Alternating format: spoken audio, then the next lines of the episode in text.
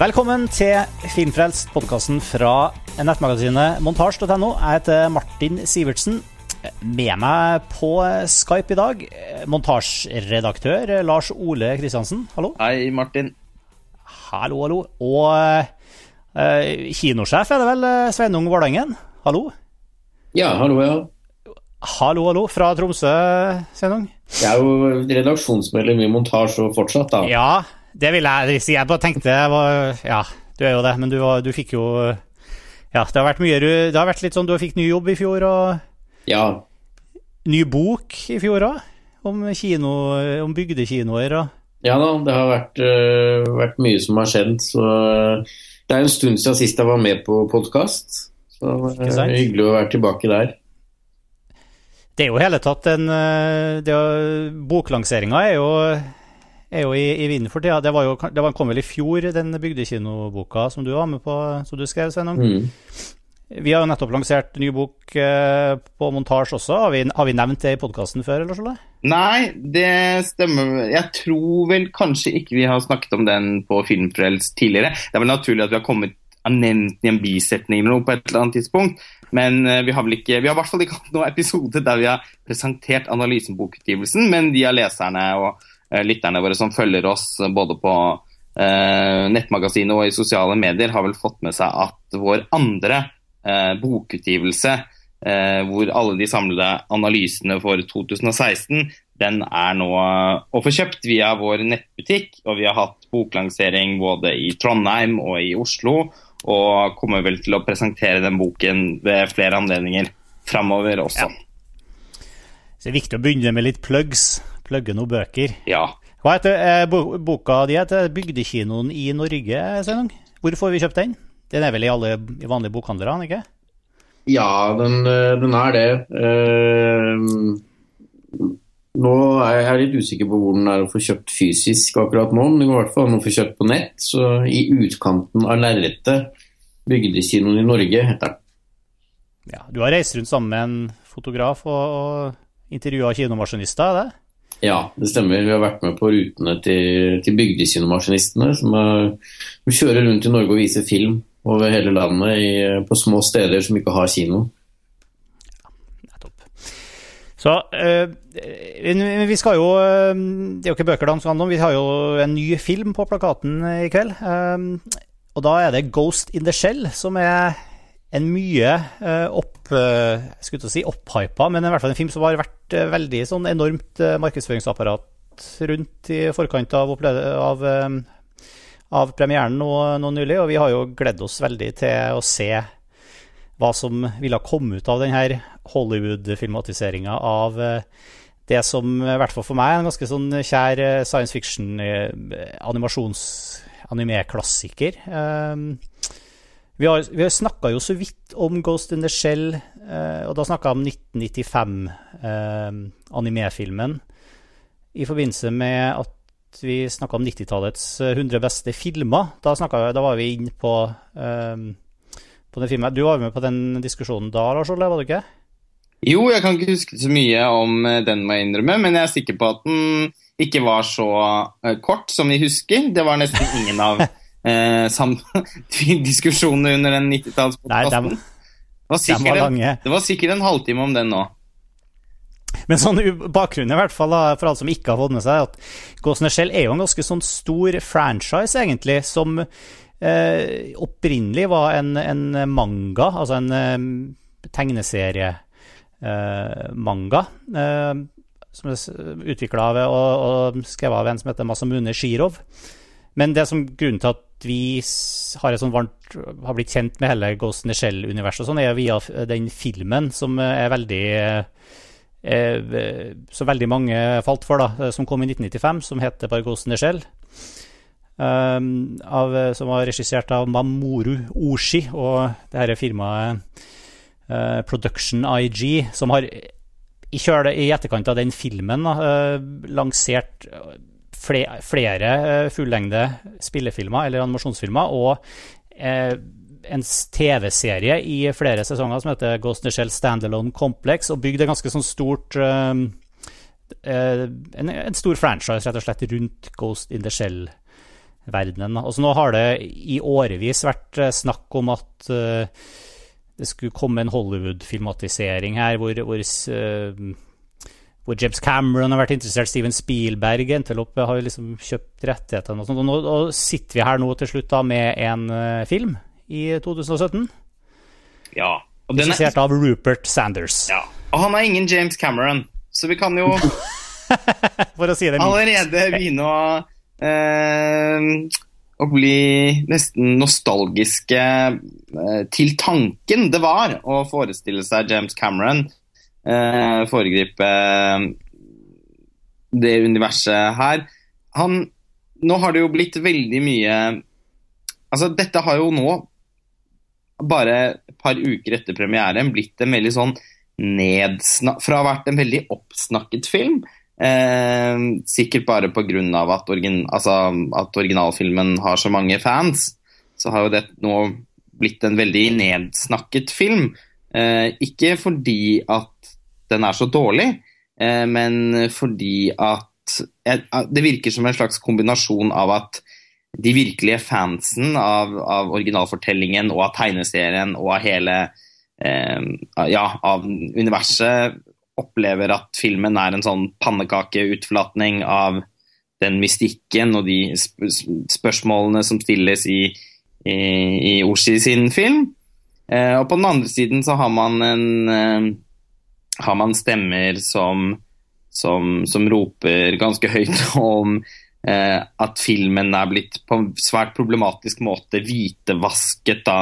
At, eh, at det er Scarlett Johansen og ikke en Eh, en japansk skuespillerinne som har hovedrollen, eh, og at mange av de andre sentrale rollefigurene eh, spilles av vestlige skuespillere. Så, og det har liksom gjort at filmen Til og med produ altså, produksjonsselskapet og distributøren, jo, distributøren i USA har jo gått ut og på en måte innrømmet at det hvitevaskingselementet Eh, har bidratt til å eh, til at filmens boks, trolig i hvert fall, har bidratt til dårlig buzz.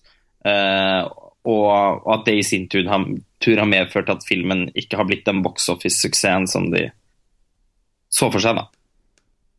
Men jeg har inntrykk av at filmen har hatt ganske god buss. Tar jeg feil der? Altså, jeg har det har, det har fått med at det har mye, vært veldig mye sånn forventninger og masse, masse Det er mulig at det bare er jeg som sitter og ser meg blind i min lille sånn YouTube-feed, hvor jeg liksom har, føler at jeg har fått liksom stadig nye sånn trailere og behind the scenes og masse positive ting. Altså Markedsføringsapparatet har i hvert fall slått meg veldig heftig. Den har vel fått ganske mange gode kritikker både i Norge og USA i hvert fall, men jeg har inntrykk av at det har vært litt ja, Polariserende er kanskje å overdrive, men det er i hvert fall har vært noen uh, veldig positive stemmer, og noen som, som syns det bare har blitt en sånn dvask utgave av originalen. Så jeg var litt sånn Ja, jeg, før jeg skulle se filmen, så, så, gjorde jeg litt research og var litt spent på hva, uh, hva slags uh, tilbakemeldinger man hadde fått så langt. Og da, da fikk jeg inntrykk av at det var veldig blanda, egentlig.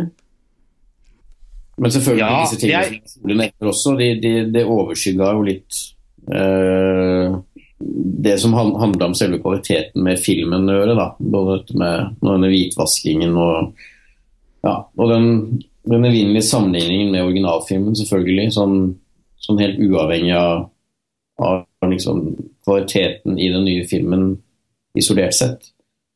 Ja, for mitt inntrykk er at, eh, at, at filmen har vært veldig sånn imøtesett i forkant. Eh, og, men at reaksjonen etter premieren ikke bare handlet om at det er ganske mange som opplever at den kanskje ikke helt har innfridd forventningene, men at det er mer sånn sammensatt enn det. At, at, det har liksom gått fra å være en av årets egentlig kanskje mest imøtesette blockbustere til å bli en litt sånn slags ufilm, ja. i hvert fall i visse ja kretser. Jeg syns det har vært litt merkelig. Ok, La oss bare ta, ta brodden av den spenninga med en gang. da. Skal vi ta en sånn kjapp uh, runde her hvor du bare får lov til å si sånn Altså bare med ett ord uh, Fornøyd eller ikke fornøyd? Det er vel, ikke fornøyd det er vel to ord, da, men ett med ett eller to ord.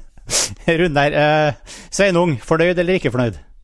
Nei, jeg, jeg, nå har vi ikke for vane å å, kort eller altså, å, å snakke i, i, korte fraser da, på montasje, men jeg må jo si at jeg ikke er fornøyd. Ok, Lars Ole. Fornøyd eller ikke fornøyd? Ja, nei, altså, jeg synes det er veldig okay, ambivalent. Ja. ja. Nei, altså, jeg er litt så. Bare... Martin, fornøyd eller ikke fornøyd? Ja. Jeg er vel egentlig ikke fornøyd. Nei, ikke litt, litt fornøyd, bare. Ja, Det ante meg. Kan jeg si hvorfor jeg er litt sånn på gjerdet? Ja, eh, si det. Når jeg, eh, når jeg så filmen, så var det uten eh, all den negativiteten som kom bare noen dager etterpå. For det var på en, på en pressevisning. Eh, og da hadde jeg fortsatt Altså, da hadde jeg relativt høye forventninger til den. Altså bare fordi jeg rett og slett synes at de har lyktes med å via promomaterialet da, å gi inntrykk av en spennende film. Jeg synes hele, altså Fiksjonsuniverset er jo dødsspennende i utgangspunktet. Jeg synes det virket som om de hadde jobbet veldig grundig med å, med å lage eh, en live actionifisering av det som, som, som så spennende ut.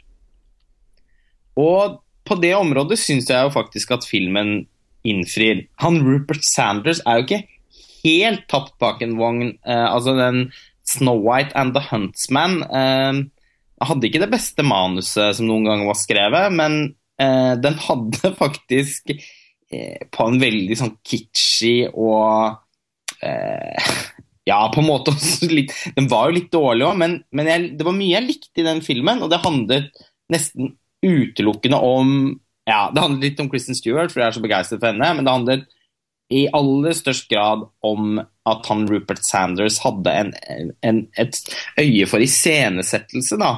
Som, som, var noe. Eh, den skilte seg faktisk litt ut, den filmen, fra ganske mange andre sånne totalt livløse eh, og fabrikklagde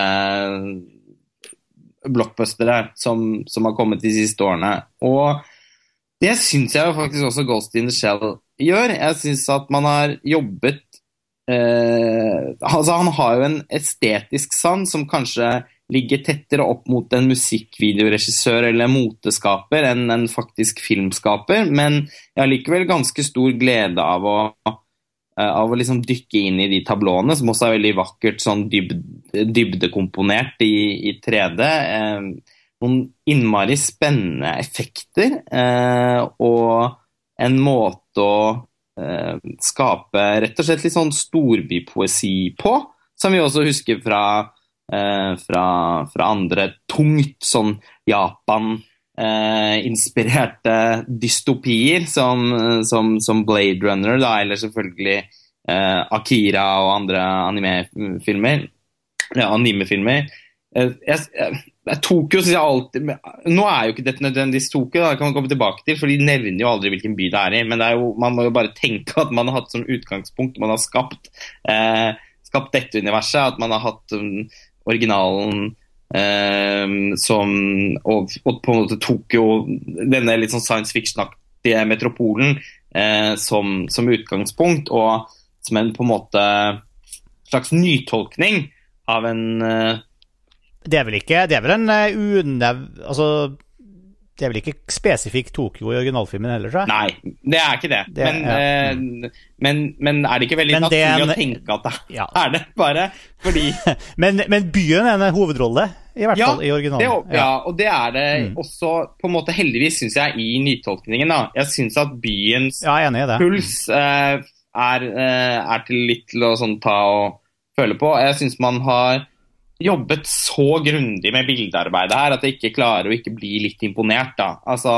og det, det, var jo noe av det aller flotteste med filmen her, syns jeg var nettopp uh, de uh, den visjonen av den, uh, den, byen. Særlig var noe veldig fascinerende og, med de herre gigantiske holografiske Fiskene?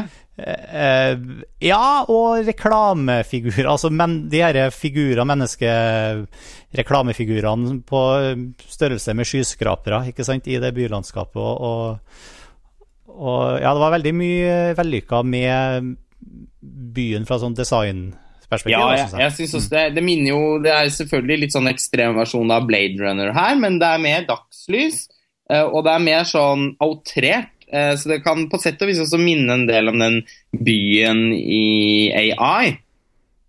eh, hvor, de, eh, hvor de oppsøker eh, altså denne trollmannen som skal eh, Som skal eh, Som etter hvert leder dem til eh, Til Manhattan. Og, og hun feen i Pinocchio, holdt jeg på å si. Men ja, altså, den, den minnet, meg, minnet, meg, også ganske mye om AI. Sånn rent designmessig. Mm. Mm. Hva med deg, Sveinung? Nei, jeg er enig. Altså, det jeg absolutt likte best ved filmen, var, eh, var noe av den miljøskildringen. Og det var jo blir jo på en måte veldig opplagt da, å snakke om eh, Blade Runner, men, eh, men det er jo et sånt lignende sånn kaotisk og mørkt bybilde og disse store skjermene med, med sånn hologramreklame på. Og høye boligblokker og sånn hypermoderne industri, mye sånn dystopi. Men jeg, jeg syns også at det var en eh, Det var en litt lignende stemning i filmen. Sånn, en slags blanding av noe litt melankolsk og dystert, som også Nå har vi ikke kommet inn på handlinga ennå, men, men, som selvfølgelig har med det å gjøre også. Men som jeg også kjenner igjen fra Blade Runner, da, men bare i en helt annen innpakning her. Mm. Uh, så jeg syns jo at sånn Selv om jeg syns filmen ble, ble kjedelig etter hvert, så syns jeg at den hadde et, et ganske eget sånn audiovisuelt uttrykk. da, Musikken til, uh, til Clintman selv, som kanskje ikke er hans beste, men, men som liksom absolutt uh, bidro for min del til å sette en slags stemning, i hvert fall.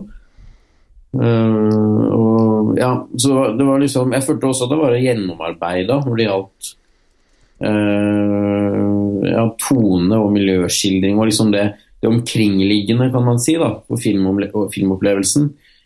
Uh, så det er vel mer, mer fortellingen og, og, karakterene som det skorter på sånn for min del.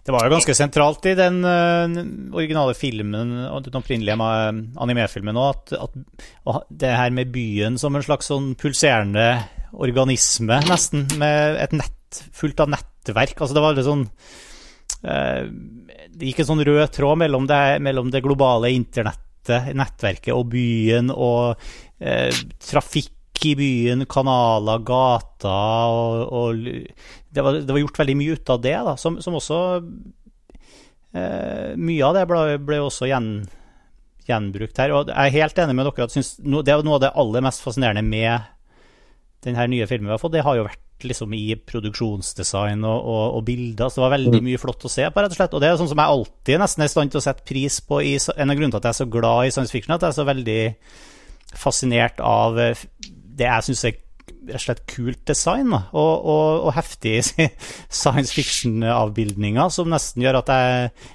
kan lide meg gjennom ganske mye dårlige ting bare og sitte og fråtse litt i, i, i, det audiovisuelle. Og det, det, var litt det samme Jeg vet ikke, Så dere Total Recall uh, Total Recall-remaken? Ja. Den, var jo, den hadde jo også ganske den syns jeg var ganske, ganske, meningsløs som reboot av Total Recall. Hadde veldig lite for seg, men der var det også ting ved, ved eh, produksjonsdesignet som jeg satte ganske mye pris på. Er enig, det er egentlig en ganske relevant sammenligning. Mm, ikke minst med byen. For jeg, jeg syns jo ellers at eh, Du var jo veldig inn på det innledningsvis, og det er kanskje ikke noe bombe at det her skjer, for det er jo akkurat det kanskje som vi frykter og forventer skal skje. At det er en slags sånn, som du sier, Lars, en pannekakeutflatning av, av det som egentlig er et ganske sånn filosofisk rikt og, og veldig utforskende film, da, som den 1995-animeen var, med, eh, som egentlig er eh, Har veldig mye ikonisk sånn scenemessig og grafisk ved seg, men, men som liksom dypt sett eh, sånn innerst inne er veldig sånn essayistisk. Den har masse masse, masse lange monologer satt til veldig statiske scener. Liksom. Det er veldig masse rolige scener her som gir deg masse tid til å fordøye det som blir formidla gjennom Altså, det er jo ikke dialog engang, det er liksom det er ren sånn høytlesning av essays, nesten, satt til bilder, og, og veldig, veldig uh, stemningsfull musikk. som, som, utgjør veldig mye av den opprinnelige filmen. Og eh, her, her, er jo kanskje det som jeg syns gjør at denne nye filmen har fått det veldig kjedelig, som du var inne på, Sveinung. Den, den har mista veldig mye av det den sjela som ligger i originalfilmen, i, i det tankegodset som liksom følger med. Da. De, de spørsmålene den prøver å ta opp rundt uh, Ja, en ting er det byen, men også sånn transhumanistiske uh, visjoner, og litt det som man som Blade Runner og en del andre som filmer handler om, også det skjæringspunktet mellom menneske og, og maskin, og, og menneskehetens framtid, og det som egentlig er sinnsfilosofiske betraktninger, egentlig, som, som originalen har veldig mye sånn, gjør veldig mye ut av. Da. Det blir på en måte skjøvet veldig til side her, føler jeg. Og, og, og den her Hollywood-versjonen har på en måte gjort Ghost in the Shell til en sånn uh, his, Altså, hovedpersonene her er opptatt av liksom av å, opp, av å utforske bakgrunnen sin, og hvorfor de har blitt Hvordan de har endt opp som liksom drapsmaskiner for en stor uh, megakorporasjon. Uh, eller den herre seks... Altså hvordan de har bare blitt til sånne superagenter og skal spore opp bakgrunnen sin, og så, skal liksom, så er det en bad guy her som ikke engang er altså det er jo ikke noen sånne bad guys i den opprinnelige historien. Og jeg føler liksom at det har blitt en sånn, egentlig bare en Jason Bourne, Nikita-aktig historie her, istedenfor altså, Som vi har sett så mange ganger før. da. Den er veldig sånn forflata på det punktet. Ja, Nikita er en bra sammenligning. Ja. Eh, den kan jo også minne en del om Lucy til Luc Besson.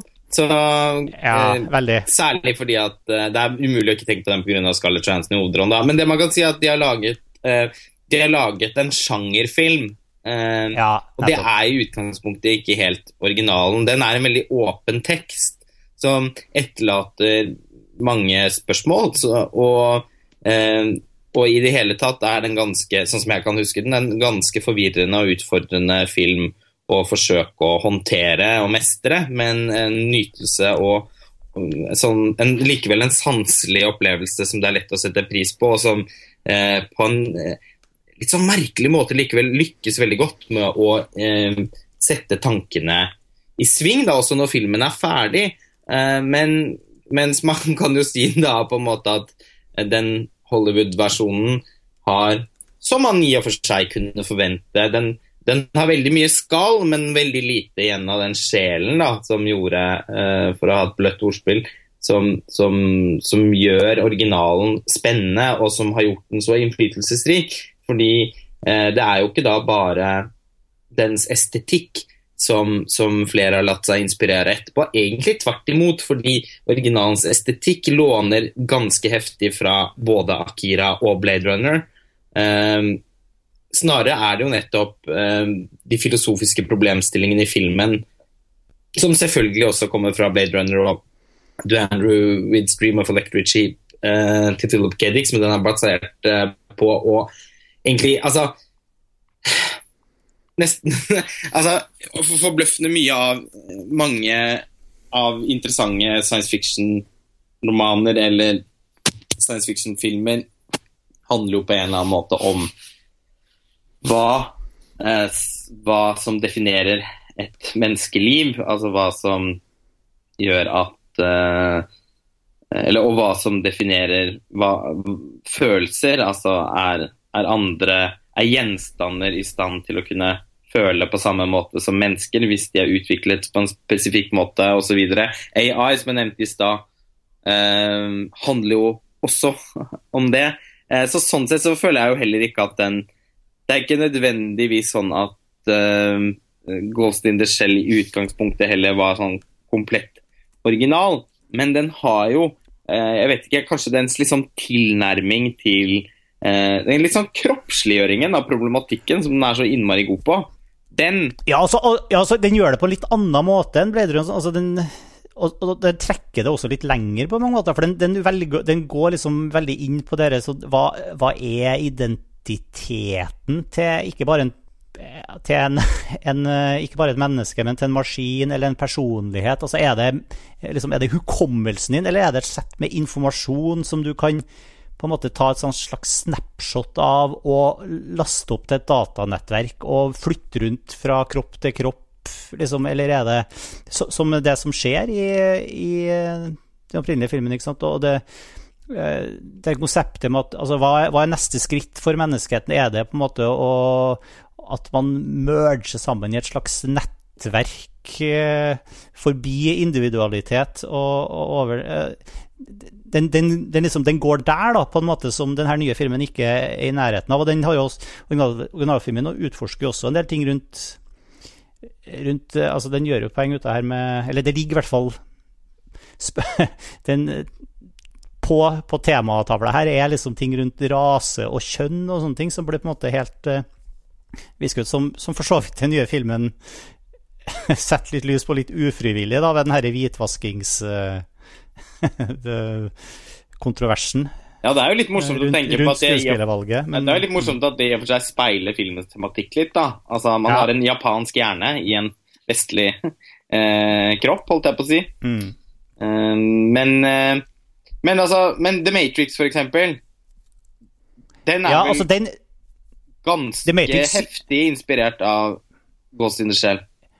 Ja, og den gjør jo det her på slutten av The Matrix-trilogien, da, som er ene som det komplette Matrix-verket gjør jo Så der er det jo en sånn eh, slags fusjon mellom menneske og maskin, mellom det nettverksapparatet som er maskinverdenen, og liksom eh, eh, det, det, Nio da, på slutten. ikke sant? Han går jo liksom tilbake inn i kilden og opp, altså det oppnår en slags høyere enhet med med den fusjonen med maskinene som blir til noe større. Litt på samme måte som, som denne fusjonen mellom uh, The Major i originalfilmen og den her Puppet Master på slutten av filmen. Altså, de går Hun blir på en måte del av, av nettet, da. Um, og, og det, det, har jo mer den I denne nye filmen så, så, føltes det også mye mindre uh, sentralt da, i, i, det som skjedde på slutten. Altså det, nå Fordi... meg ikke, ja. Det, det, det, var på en måte, Alt ble så bagatellisert, og alt handla så mye mer om det her oppgjøret mellom han her eh, maktsyke skurken som skulle styre de her eh, egentlig drapsrobotene til å utføre sine, sin agenda, og, og oppgjøret med han. og Altså, alt fikk så feil fokus her, da. Det fikk bare mer sånn veldig sånn tradisjonelt fokus, da, som du sier, en sjangerfilm. eller sånn. Ja, fordi jeg tenker, i utgangspunktet så handler det jo om på en måte jakten på det menneskelige i en teknologisk tidsalder. Altså, det bores etter eh, litt sånn livs, uh, livslevende elementer, scener og kjøtt uh, bak, bak uh, panseret innimellom de her, alle de teknologiskapte konstruksjonene som, ja, som, i økende grad utgjør samfunnet. Et samfunn hvor, hvor biologien uh, da ikke lenger er det som på en måte binder alt uh, sammen. Den, Men du har likevel en ghost? Ja. ja, ikke sant? fordi den hjernen til hovedkarakteren den blir jo da som en, sånn, som en, ja, som en software på, i den robotkroppen. Men det virker jo da som at den er det Altså at, at, at, den skal være at, at, de, eller, at man anvender den pga. distinkte menneskelige trekk, da, eh, som da ikke er typ målbar, sånn målbar intelligens, hjernekapasitet og sånn. Det har man jo Det, ble, det er jo det, altså det har man jo da utvidet med hjelp av teknologi. Man snakker om mennesker som har kjøpt seg større hjernekapasitet og sånn i filmen. Mm. Så det må jo da handle om noe noe som bare mennesker har, da, som igjen er på en måte følelser. Eh, og som sikkert også følelser som sikkert da også kan bli omsatt til eh, hevnlyst eller aggressivitet eller noe sånt i forbindelse med type oppdrag som vi ser eh, eh eksempler på også i filmen, da. Men jeg føler ikke at de Men den tematikken, hvis, eh, i den grad eh, jeg liksom treffer treffer med det jeg sier nå, eh, så føler jeg ikke heller at den helt blir speilet i filmens uh, hovedfortelling, holdt jeg på å si. Altså, uh, jeg føler jo her at det etter hvert blir veldig en sånn I likhet med Lucy, da, for å trekke den sammenligningen igjen, så blir det mer en slags sånn Et slags rebusløp hvor hovedkarakteren må gjennom en rekke, hindringer eller prøvelser for å komme fram til noe som da er en slags sannhet. Uh, og det Da syns jeg man burde gjort seg mer flid med å lage de hindringene så spennende og, og, og morsomme uh, som overhodet mulig. Som de er i Lucy, da, syns jeg. Det er en film jeg likte kjempegodt. Uh, men som jeg føler at blir veldig sånn Litt han, jeg, det, hvis, det, hvis, hvis, man først skal lage en actionfilm, så må det jo fungere som det. Og til å gjøre det, så syns jeg Ghost in the Shell blir altfor sånn luftig og Uh, og uspennende, rett og slett. Altså, nå tenker jeg ikke ja. på spennende tematisk, men suspens. For lite suspensfull. Ja. Ikke sant, fordi den 1995-filmen er jo heller ikke noe spenningsfylt actionfilm. Det er jo ikke det som gjør filmen Nei, Den er jo på ingen måte det.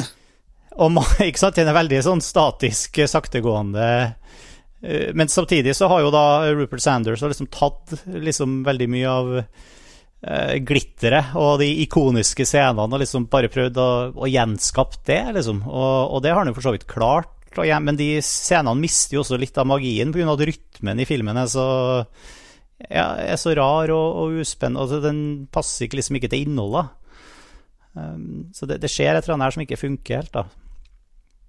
Um, så, samtidig som jeg, jeg satte veldig pris på å se filmen, for det var så mye, mye fint, fint, å se på. på en måte men, Ja, og den varer jo bare men, litt over 1 ja. time og 40 minutter, så den er også mye mer ja. sånn eh, Den føles Altså, det, må, det, skal filmen virkelig ha, og det gjør at jeg Altså, jeg syns filmen er rimelig bra, jeg. Ja. Altså, sånn totalt sett likevel, selv om jeg syns den mislykkes på eh, I og for seg egentlig med ganske mye, så syns jeg likevel den er en kinoopplevelse. Uh, altså, den er så gjennomarbeidet, og den er ikke liksom Den har ikke mange av de teite problemene som mange andre moderne blockbustere har. Da. Den er ikke rotete, den er ikke for lang, den er ikke, styk, den er ikke stygt klippet.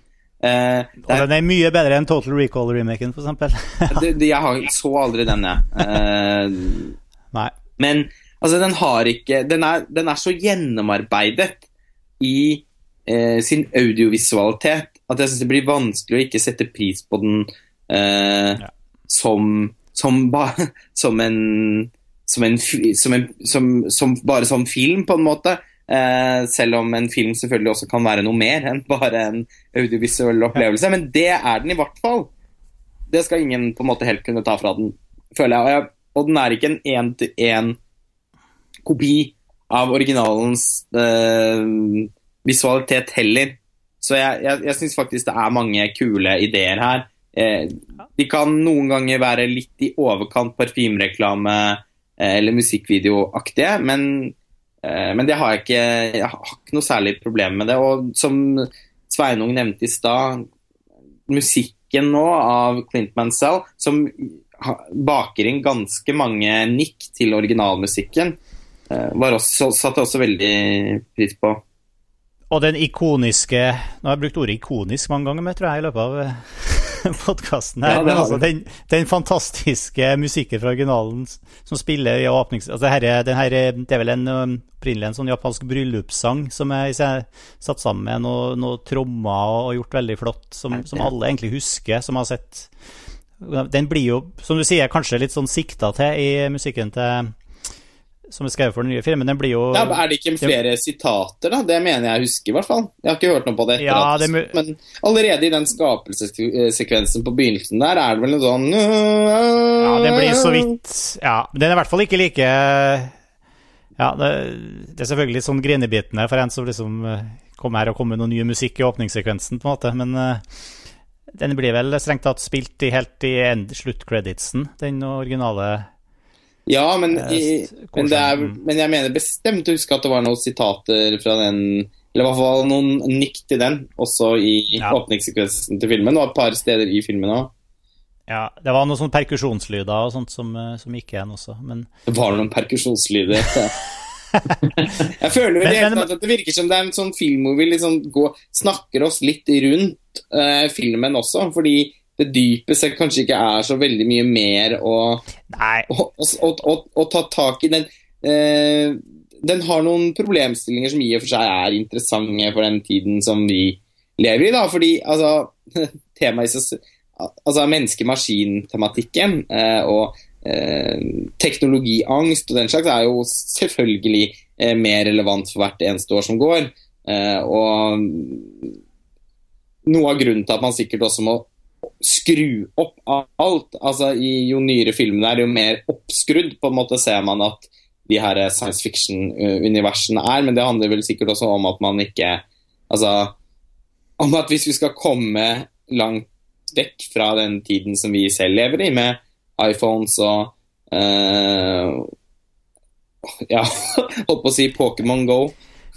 Ja, men det er, nett, det er, jo nettopp derfor det er så skuffende, syns jeg, at man gjør film Altså man tar et sånt sprudlende, spennende materiale nettopp med tanke på de spørsmålene der, og så gjør det mye mindre interessant enn en opphavsmateriale, på en måte.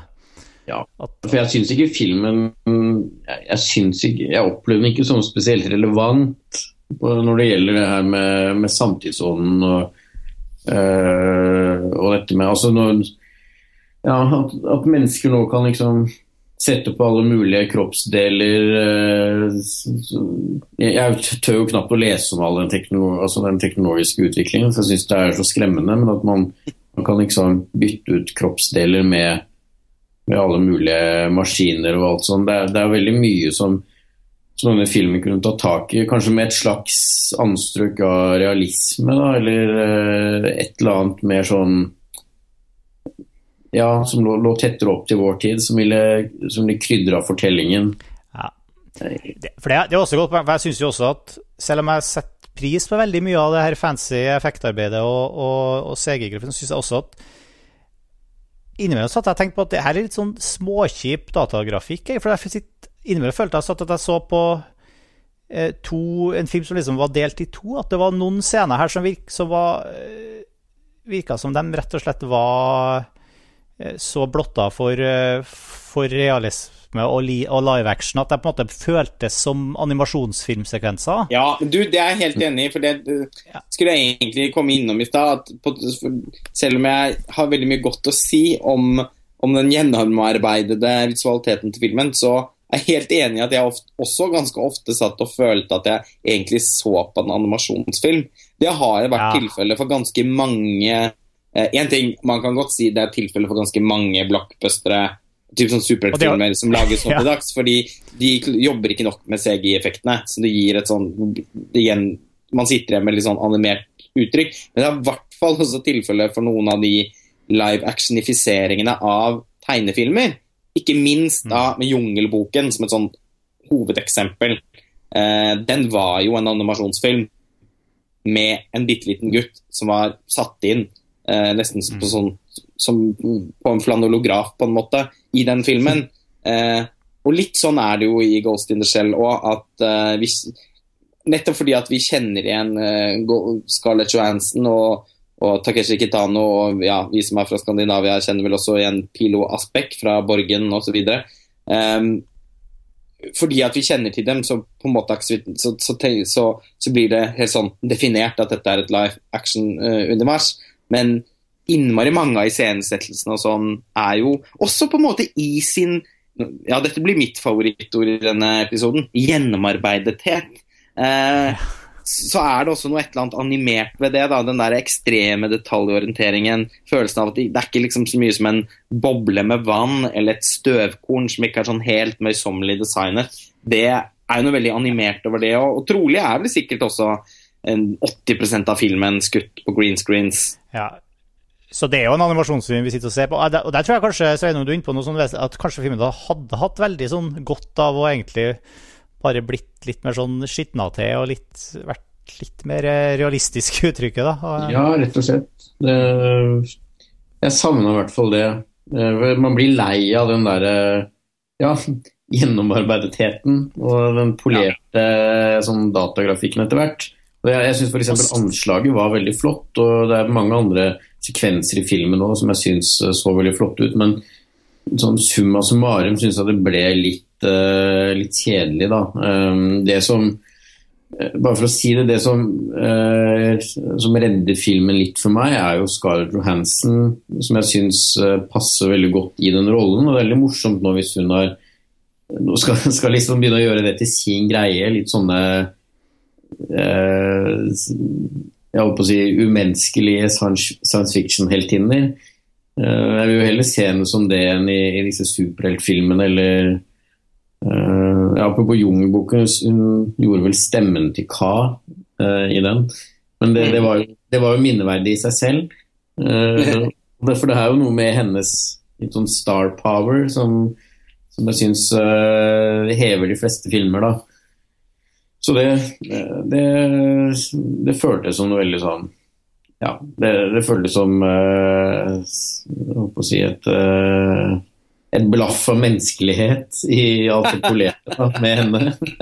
ja, men det er jeg helt enig i. Jeg syns også Scarlett Johansen har Altså, jeg syns også det er morsomt den retningen som karrieren hennes har tatt, etter da, e, egentlig etter noen år med litt sånn ja, kunstnerisk tørke. Um, først så var det jo selvfølgelig Lost in Translation, eller før det igjen, Ghost World. Eh, men mm. gjennombruddet kom jo selvfølgelig med Lost in Translation, og så denne Girl with a Pearl Earring samme år.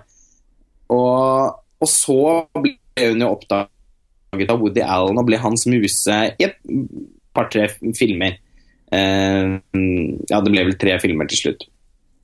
Men etter det så virket det litt som om Scarlett Johansson ikke helt visste hva hun skulle gjøre med, si, gjøre med livet sitt. Eh, altså, det var i hvert fall et, langt strekk der hvor jeg følte at hun ikke tok spesielt interessante roller. Og liksom bare forsvant litt. Eh, før hun eh, plutselig fikk seg et helt sånn fantastisk comeback med Under the Skin og Lucy.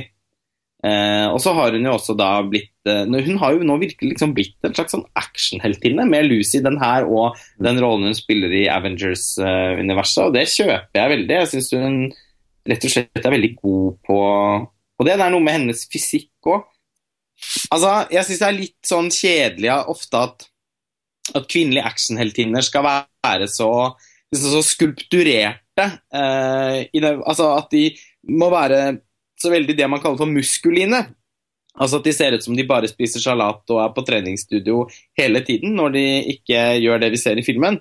Og jeg synes det er veldig fint med Scarlett Johansson at hun Egentlig det som Sveinung sa i påpekte i stad, at, at, hun ser menneskelig ut. Hun har på en måte en kvinnekropp. Uh, hun bidrar til å, skape, til å, skape, en eller annen følelse av at uh, et menneske kunne vært i stand til å uh, gjøre alle disse tingene. Det blir jo kanskje litt rart å si, fordi eh, det er særdeles umenneskelig, på en måte, alt det som skjer i både Ghost in the Shell og kanskje nesten i enda større grad, i hvert fall mot slutten, i eh, Lucy. Men Lucy er veldig realistisk litt... på det kroppslige. Ja, nei, altså Det er jo ikke dette med Men skjønner du litt hva jeg mener? Altså, ja. Altså, at Scarlett Johansen som actionheltinne eh, ser ikke ut som Ellen Ripley eller Linda Hamilton i Terminator 2. Og faktisk syns jeg det er litt forfriskende, selv om jeg ser med stor beundring på de ikoniske, eh, for å bruke ditt favorittord i dag, Martin, eh, actionheltinnene.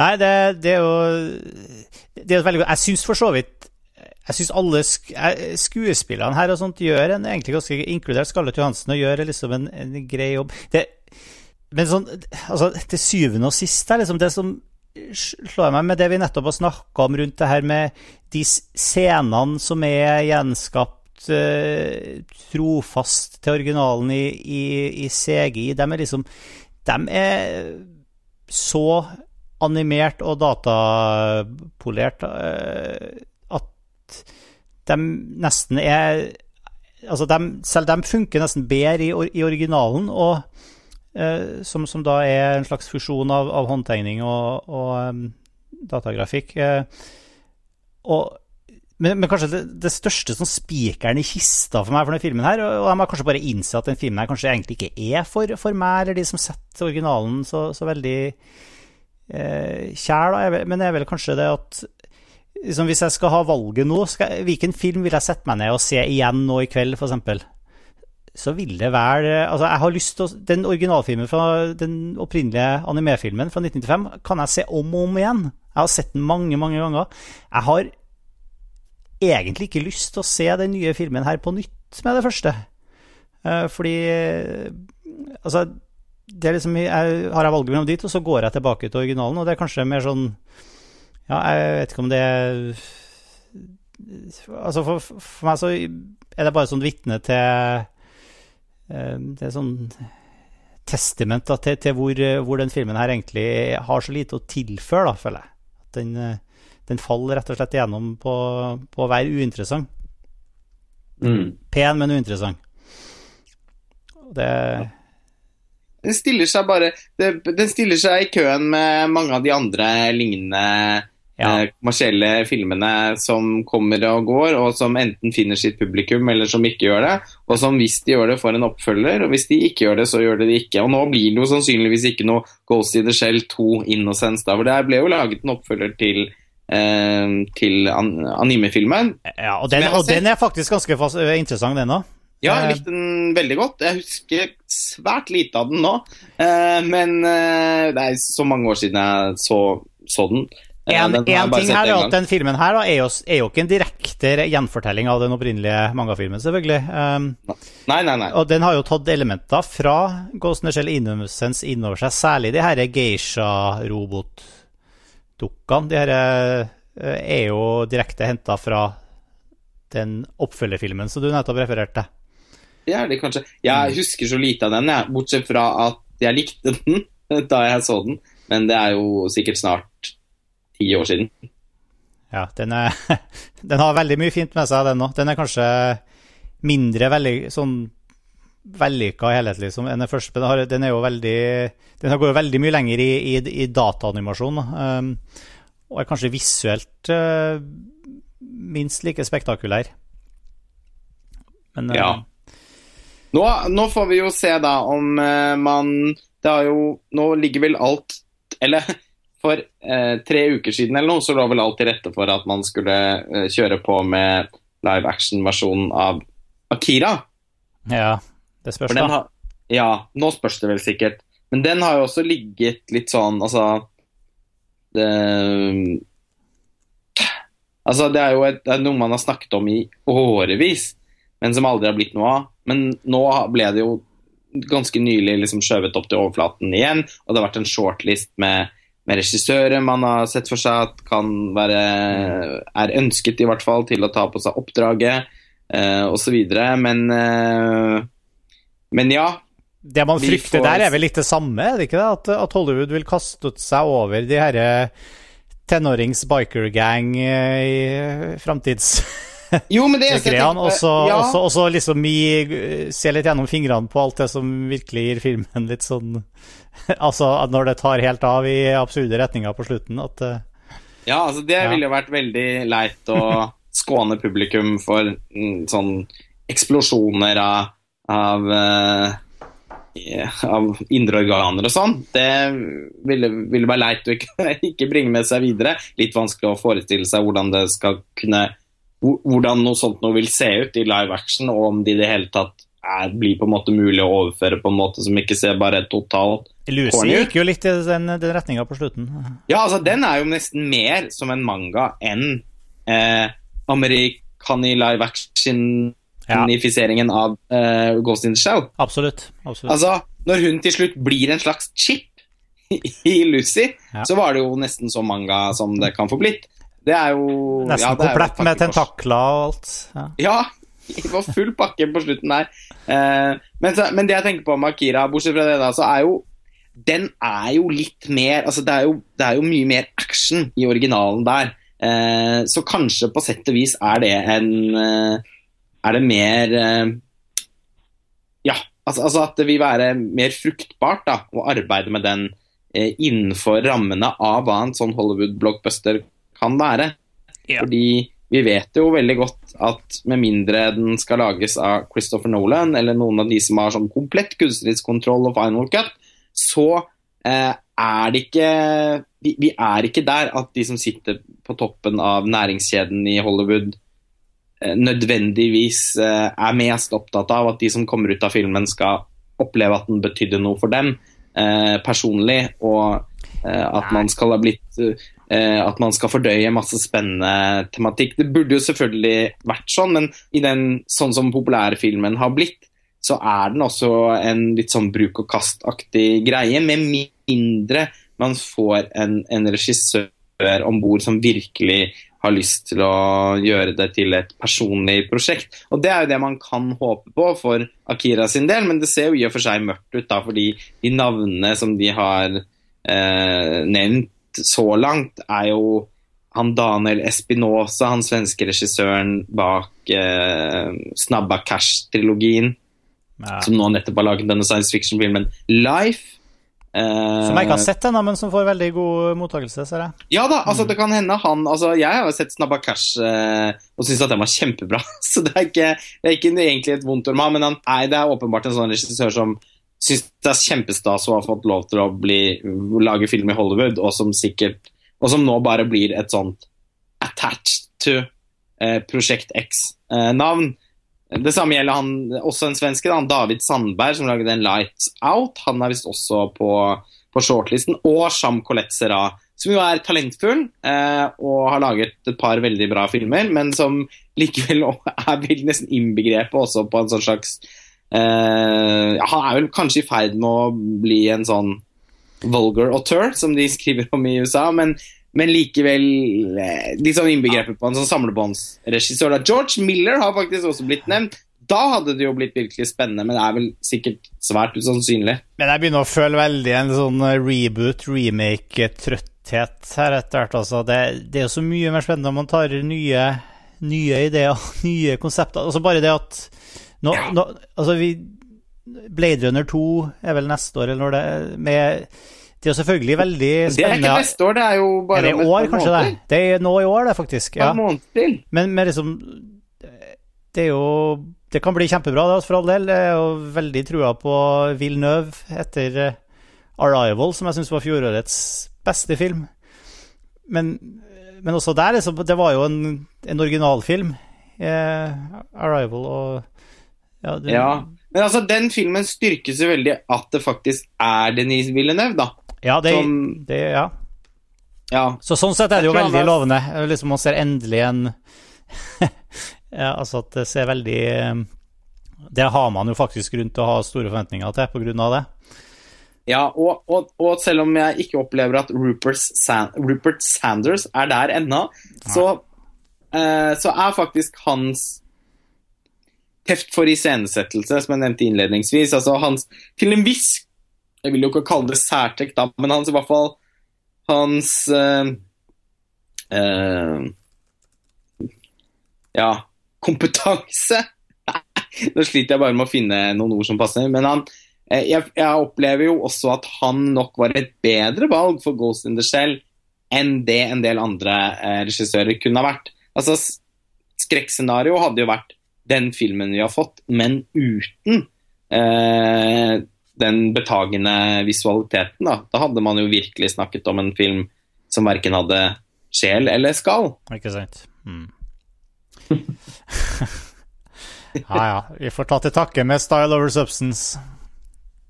Ja. Ja. Er det kanskje der vi Det er runder kanskje av? der vi runder av. En litt matt Litt sånn matt episode om Ja. Ghost in Ja, the vi, Shell. vi klarte ikke å tone opp noen noe ville, ville debatter med forskjellige standpunkt her. Vi var ganske enige. Ja. Mm. Ja, ja. Men uh, takk for laget, i hvert fall. Det var trivelig å få lufte ut litt sine, sine skulle til å si, frustrasjoner. Mm. Yes. Ja, takk for i dag, Lars Olle og. Sveinung. Mm. Vi høres snart igjen.